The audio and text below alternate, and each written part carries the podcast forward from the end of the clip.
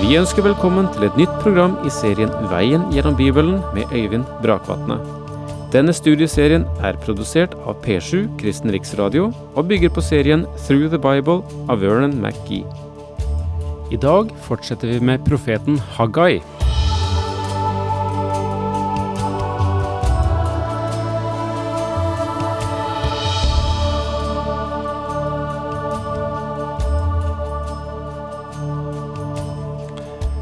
Vi oppfatter ofte historien som enkeltepisoder, og har vanskeligere for å se den som en strøm. Men for Gud fungerer hele historien som en eneste lang strøm, der eh, forholdene på Noas tid henger sammen med de forhold som vi lever under. Og der, der, Det er et helt annet helhetsbilde enn det vi mange ganger får av historien. Vi har et sånt kort perspektiv, og det er gunstig for oss å få se lengre, og få se det, de lange linjene som Bibelen nedfeller for menneskets historie. Selve livet blir tryggere. Det får en helt annen sammenheng og helhet. Når vi står ved det forholdet her i Haggais bok, i kapittel to, at det tempelet som er reist, og som kalles for Serubabels tempel, virker lite og puslete sammenlignet med Salomos tempel, og også senere med Herodes' tempel, som efterfulgte Serubabels tempel, så ser Herren annerledes på dette med tempelet enn jødene gjorde det.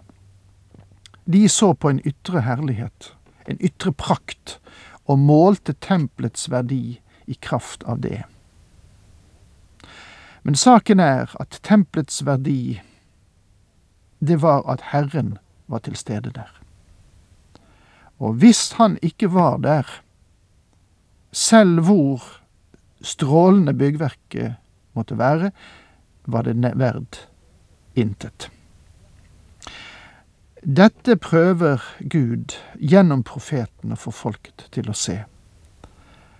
Og når Herren sier at bygg tempelet, gjør dette ferdig, så skal jeg være med dere, så var det det som var det konstituerende, det vesentlige ved tempelet, at Herren skulle være der. Jeg fyller dette hus med herlighet, som han sier i vers eh, seks og sju her i kapittel to hos Haggai, og jeg tror vi leser om igjen de to versene. For så sier Herren, allherrs Gud, enda en gang, om en liten stund, vil jeg ryste himmelen og jorden, havet og det tørre land.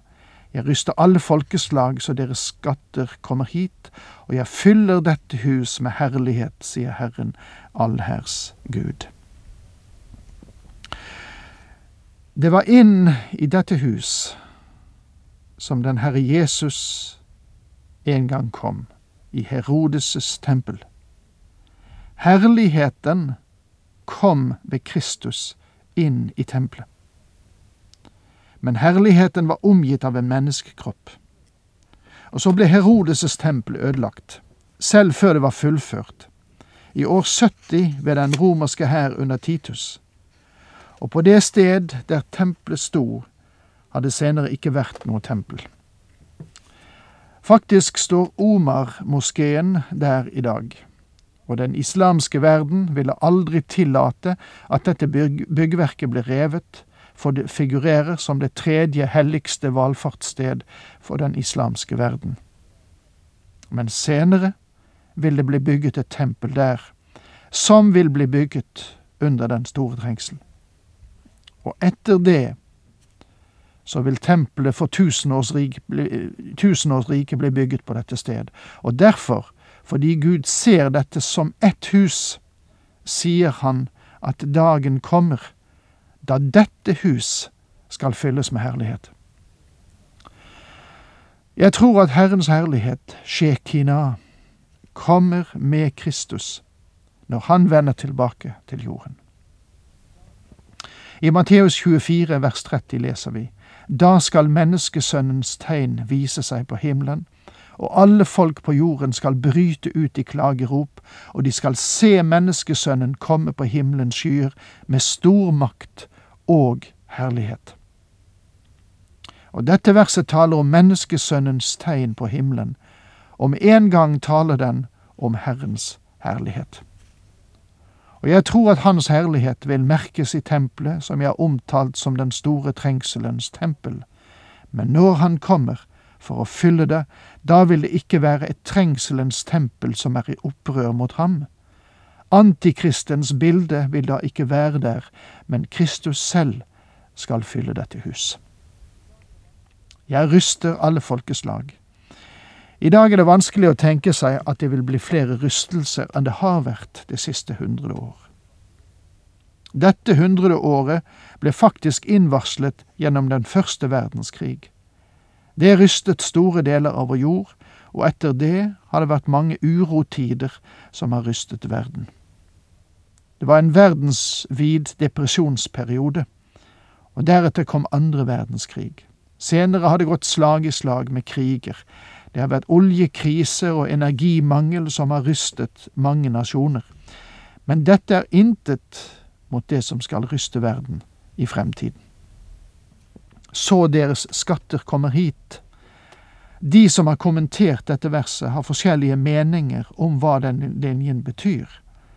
Det kan være at Jerusalem står frem som en meget rik by, men det kan også forstås dit hen at Jerusalem vil eie det som alle nasjoner lengter etter. Jerusalem vil eie den utfrielse som folkene under syndens trelldom vil se som den største skatt. Kanskje vi kommer meningen noe nærmere om vi leser versene syv og åtte sammen. Jeg ryster alle folkeslag, så deres skatter kommer hit og jeg fyller dette hus med herlighet, sier Herren allherrs Gud. Sølvet er mitt, og gullet er mitt, lyder ordet fra Herren allherrs Gud. Hva er det folkeslagene drømmer om og lengter etter? Det er sølv og gull. Og i våre dager har mange nasjoner måttet forlate gullstandarden, og da det skjedde, ble det økonomiske fundament for en hel verden rystet. Hvorfor? Fordi det fremdeles er et begjær etter gull og sølv. Da Salomos tempel ble bygget, gikk det med 70 til 100 millioner kroner i kostbare metaller og juveler til utsmykningen. Det var meget verdifullt.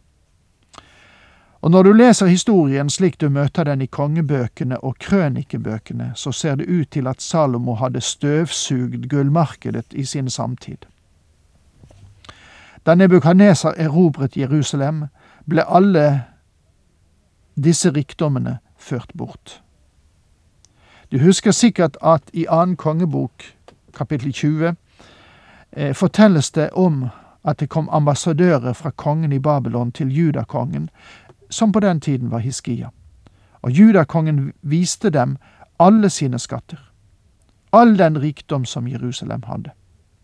Og det la de merke til og i sin tid erobret de Jerusalem og førte bort alt gullet til Babylon. Sannelig var gull Babylons begjær, og er fremdeles folkeslagenes begjær. Sølvet er mitt, og gullet er mitt. Alle rikdommene tilhører Gud, og det vil være nok til å opphøye og utsmykke Guds hus i fremtiden. Men både sølv og gull er bare uttrykk for større og skjønnere rikdom ved at Gud bor hos sitt folk. Dette nye hus skal bli herligere enn det første, sier Herren allherrs Gud. På dette sted vil jeg gi fred, lyder ordet fra Herren allherrs Gud. Dette nye hus skal bli herligere enn det første, minner oss om at Gud ser på hele raden av templer som ett hus og han sier at den siste herlighet over huset, som skal være tempelet reist under tusenårsriket, skal være større enn det som tidligere har vært. Det vil si at dette skal være en større herlighet enn den som hvilte over Salomos tempel, og i alle fall større enn det tempelet de nå holdt på å bygge. På dette sted fastsetter tempelområdet som det sted der samtlige templer skal reises. På dette sted vil jeg gi fred, lyder ordet fra Herren, allherrs Gud. Jeg besøker aldri Jerusalem uten å besøke også tempelområdet. Selv om jeg har sett det mange ganger, så er det fremdeles noe særegent å komme dit. Vet du hvorfor? Det er fordi dette sted vil en dag oppnå det som Nasjonenes forbund og De forente nasjoner ikke makter, nemlig å bringe fred til jorden. Når den Herre Jesus Kristus kommer til jord, da skal hans føtter stå på Oljeberget, og når han der inn på tempelområdet, kommer freden til jorden. For han er fredsfyrsten. Han skal gi verden fred ved den tid. Den fred som det henvises til i dette verset, betyr det vi vanligvis legger i begrepet fred. Men det kunne også inkludere den fred som han brakte med seg ved sitt første komme. Da ga han fred til dem som vil la seg forsone med Gud. Som apostelen Paulus formulerer det, da vi nå altså er rettferdiggjort ved tro, har vi fred med Gud ved vår Herre Jesus Kristus som det står i Romene 5 vers 1. Han brakte også med seg den fred som overgår all forstand som den troendes hjerte kan oppleve. Da han første gang kom, kom han for å gi denne freden. Men når han kommer en gang i fremtiden, skal han også bringe med seg verdens fred. Den fred som denne verden ønsker og trenger. Så alle folkeslagenes begjær er ikke Kristus. Jeg tror at det mer korrekte begrepet er rikdom, alle folkeslagenes rikdom. Han sa at sølvet er mitt og gullet er mitt, og talte om de materielle rikdommer. Og tanken synes å være at mangelen på glans over Serubabels tempel skulle mer enn rikelig kompenseres for det der med rikdom som skal stråle frem den dagen når tempelet reiser seg under tusenårsriket. Og derfor peker dette verset fremover til disse tider. Gud oppmuntret de mismodige bygningsmenn på Haggais tid til å se tempelet sitt i perspektiv i forhold til Guds endelige målsetting. Tenk om du og jeg kunne se våre nåværende omstendigheter under det samme perspektiv. Vi må se vår tilværelse i lys av evigheten, under himmelens overlys, se på den i lys av Guds målsetting for oss. Om Gud er for oss, hvem kan da være mot oss? La oss ikke bli overvunnet av eller overveldet av de forhold vi lever under i øyeblikket. Gud er hele historiens Gud. Takk for nå. Herren med deg.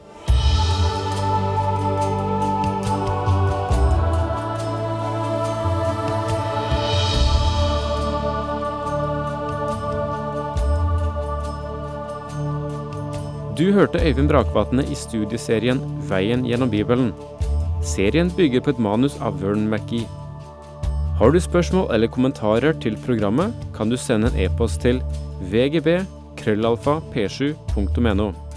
Takk for i dag, og på gjenhør.